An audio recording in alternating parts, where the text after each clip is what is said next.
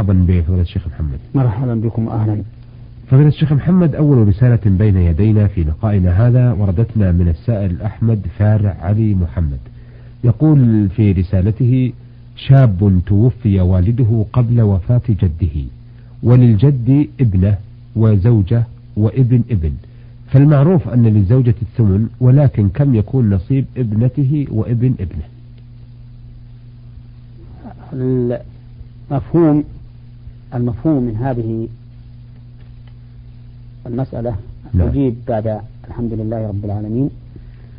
المفهوم من هذه المسألة أن الأب توفي ولم يرد السائل أن يسأل عن كيفية توزيع تركة الأب.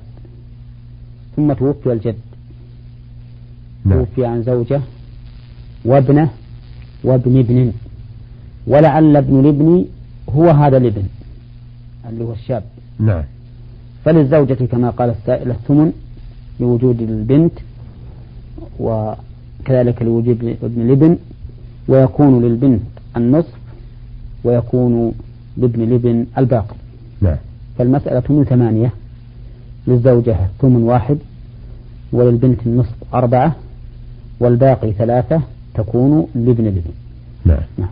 آه سؤاله الآخر يقول فيه أنا شاب أعيش في إحدى قرى اليمن وتقام كل صلاة في وقتها ما عدا صلاة العصر فإنهم يصلونها تمام العاشرة بتوقيت غروبي أي بعد أذان المدن بساعة فهل هذا جائز أم لا؟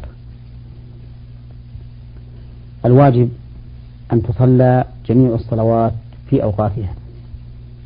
وقد ثبت عن النبي صلى الله عليه وسلم أن صلاة العصر إلى اصفرار الشمس.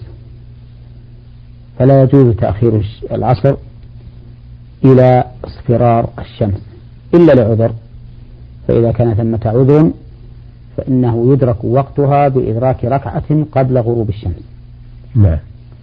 وعلى هذا فيلاحظ هؤلاء القوم الشمس إذا صلوها قبل أن تصفر أي إذا صلوا العصر قبل أن تصفر الشمس فلا حرج عليهم في ذلك لأنهم صلوها في وقتها.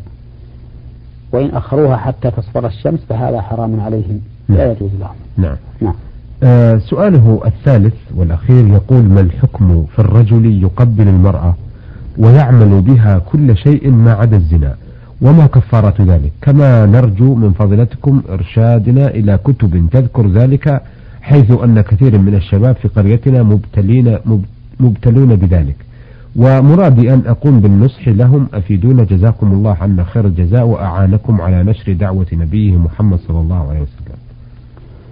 هذا العمل ال الذي ذكرته أيها السائل حرام عليهم لأن الله تعالى يقول والذين هم لفروجهم حافظون إلا على أزواجهم أو ما ملكت أيمانهم فإنهم غير ملومين فمن ابتغى وراء ذلك فأولئك هم العادون. نعم. ويقول سبحانه وتعالى ولا تقربوا الزنا إنه كان فاحشة وساء سبيلا. فتأمل قوله ولا تقربوا الزنا لم يقل ولا تزنوا لأجل أن يتناول ذلك كل ما كان سببا ووسيلة إلى الزنا. نعم. وهذا الذي عملوه هو من زنا اليد باللمس ومن زنا العين بالنظر ومن زنا الرجل بالمشي. فهذا حرام عليهم وعليهم أن يتوبوا منه. ويجب على ولاة الأمور تعزير هؤلاء وتأديبهم بما يردعهم وأمثالهم ويحول بينهم وبين هذه المعصية. نعم. ولم يحرم الرسول عليه الصلاة والسلام الخلوة بالمرأة الأجنبية إلا خوفا من هذا وأمثاله فأنت وفقك الله انصحهم بما يجب عليك وحذرهم من هذا. وأما الكتب التي تذكر ذلك فهي كتب التفسير وكتب الأحاديث وكتب الفقه كلها ولله الحمد مصرحة في تحريم هذا الشيء وأنه لا يجوز ولا يحل. نعم آه سؤاله الثاني يقول هل يجوز للرجل أن يؤم النساء من محارمه مثل أمه وزوجته وأخته أم لا؟ الجواب آه، نقول نعم. يجوز أن يؤم هؤلاء النساء ولكن لا يجوز أن يتخلف عن الجماعة من أجل الصلاة بهن. نعم فإن الواجب عليه أن يصلي مع الجماعة. لكن لو تخلف عن الجماعة لعذر وأراد أن يصلي بهن فلا حرج عليه في هذا. نعم. آه لديه سؤال آخر يقول آه فيه هل يجوز للمصلي في بيته يصلي بالملابس حقة النوم مثل الفوطة والبيجامة والبنطلون ونحو ذلك؟ وإنني أقصد بذلك قيام الليل. كل ثياب طاهرة مباحة إذا كانت تستر العورة فإنه تجوز الصلاة بها ولو كانت في, في ثياب النوم. نعم. ولا يشترط ثياب معينة إلا أنه لا بد أن تكون الثياب طاهرة ومباحة وساترة. فإذا توفرت هذه الشروط فلا بأس أن يصلي بها. نعم. أيضا يقول الأخوات من الرضاعة هل هي آه، تمثل أو مثل تمثل آه، كل أبناء الأم المرضعة قبل وبعد الرضاعة أم هي مقتصرة على الذي بعد الرضاعة فقط؟ إذا ارتضع الطفل من امرأة خمس رضعات فأكثر قبل الفطام صار ولدا لها وولدا لزوجها الذي منه هذا اللبن. نعم فإذا كان كذلك فإن جميع أولاد هذه المرأة التي أرضعته إخوة له الذين قبل والذين بعد. حتى والذين من زوج آخر لو مات زوجها ثم تزوجت بعده فإنهم يكونون إخوة له. نعم. كذلك أيضا هذا المرتبع يكون أخا لأولاد زوج المرضعة ولو كانوا من غيرها. لأولاد زوج المرضعة ولو كانوا من غيرها لأنه صار ابنا للمرضعة وابنا لصاحب اللبن.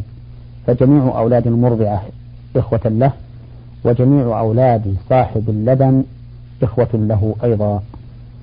نعم. نعم آه أيضا يقول من المعروف أن تربية اللحية للرجال سنة مؤكدة ولكن إذا كان زوجته أو كانت زوجته الرجل تقول لازم تحلق لحيتك وإلا لا أمكنك من نفسي.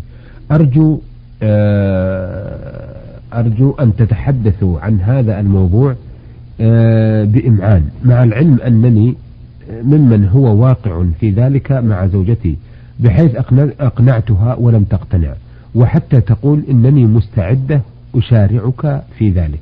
هذا مع شكري وتقديري. لا يجوز للرجل أن يراعي أحدا بالطاعة في معصية الله. فلا يطيع زوجته ولا أمه ولا أباه ولا من ولي عليه في معصية الله أبدا لأنه لا طاعة لمخلوق في معصية الخالق. وحلق اللحية محرم مخالف لهدي النبي صلى الله عليه وسلم وهدي الأنبياء من قبله وهدي المسلمين عموما. فإنه قد ثبت عن النبي صلى الله عليه وسلم أنه قال خالف المجوس وفروا اللحى وحفوا الشوارب وثبت أنه صلى الله عليه وسلم كان كف اللحية. وقال هارون لأخيه موسى يا ابن أم لا تأخذ بلحيتي ولا برأسي. وأخبر رسول الله صلى الله عليه وسلم أن إعفاء اللحية من الفطرة التي فطر الناس عليها. فيحرم على الرجل أن يحلق لحيته حتى وإن اعتاد الناس ذلك حتى وإن طالبته زوجته بهذا حتى ولو هددته بأن تشارعه. وهو إذا شرعها فإن المحكمة الشرعية التي تحكم بشريعة الله لم تمكنها من أي عمل ينافي الزوجية بسبب هذا التمسك بشريعة النبي صلى الله عليه وسلم نعم. أما هذه المرأة أو الزوجة فإني أنصحها بأن تتقي الله عز وجل في زوجها وأن لا تأمره بمعصية الله عز وجل فإنها إذا أمرته بمعصية الله كانت آثمة وإن لم يفعل المعصية لأنها تحب منه أن يفعلها وهو لا يجوز له أن يوافقها في ذلك. نعم, نعم. آه الرسالة التي بين يدينا في هذا اللقاء وردتنا من المرسل مهدي أبو صالح. يقول في رسالته إذا اتصل الرجل بزوجته ولامسها حيث يكون الاتصال بالزوجة جنسيا وجاء وقت الصلاة ثم قام وتوضأ ثم صلى. هل تصح صلاته؟ آه ومع أنني اتصلت بزوجتي في الفراش وقمت يعني في الليل ولامستها ثم جاء وقت صلاة الصبح فقمت وتوضأت حيث أديت الوضوء بصورة كاملة ثم صليت. فهل صلاتي صحيحة أم علي إعادتها؟ إذا كانت المباشرة موجبة للغسل فإن صلاتك هذه غير صحيحة وعليك إعادتها بعد الغسل. وإذا كانت هذه المباشرة لا توجب الغسل فإن صلاتك صحيحة لأنك توضأت وفي حال لا يجب عليك سوى الوضوء. نعم. والمباشرة التي توجب الغسل هي واحدة من أمرين إما جماع وإن لم يحصل إنزال. فمتى فمتى جامع الرجل زوجته فإنه يجب عليه وعليها الغسل سواء حصل الإنزال منهما أم لم يحصل. لحديث أبي هريرة رضي الله عنه أن النبي صلى الله عليه وسلم قال إذا جلس بين شعبها الأربع ثم جهدها فقد وجب الغسل زاد مسلم وإن لم ينزل. نعم الأمر الثاني الذي الذي تجب يجب بالغسل الإنزال فمتى أنزل الإنسان وجب عليه الغسل سواء عن جماع أو مباشرة أو تذكر أو أي شيء كان. متى أنزل أي دفق المنية بشهوة فعليه الغسل. وفي هذه الحال قد يجب الغسل على المرأة دون الرجل وقد يجب على الرجل دون المرأة وقد يجب عليهما جميعا. فإذا حصل الإنزال من الرجل دون المرأة فإن عليه الغسل وحده وليس عليه غسل. نعم. وإذا أنزلت هي دون الرجل فعليها الغسل دون الرجل نعم. وإذا أنزل جميعا فعليهما جميعا الغسل وهذه الصورة كما عرفنا سابقا إذا كانت بدون علاج أما العلاج فهو موجب للغسل عليهما جميعا وإن لم يحصل إنزال نعم. نعم.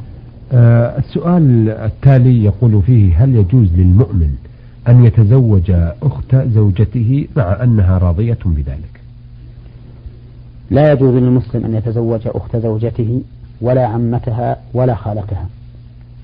لقول النبي صلى الله عليه وسلم بل لقول الله تعالى حرمت عليكم أمهاتكم إلى قوله وأن تجمعوا بين الأختين.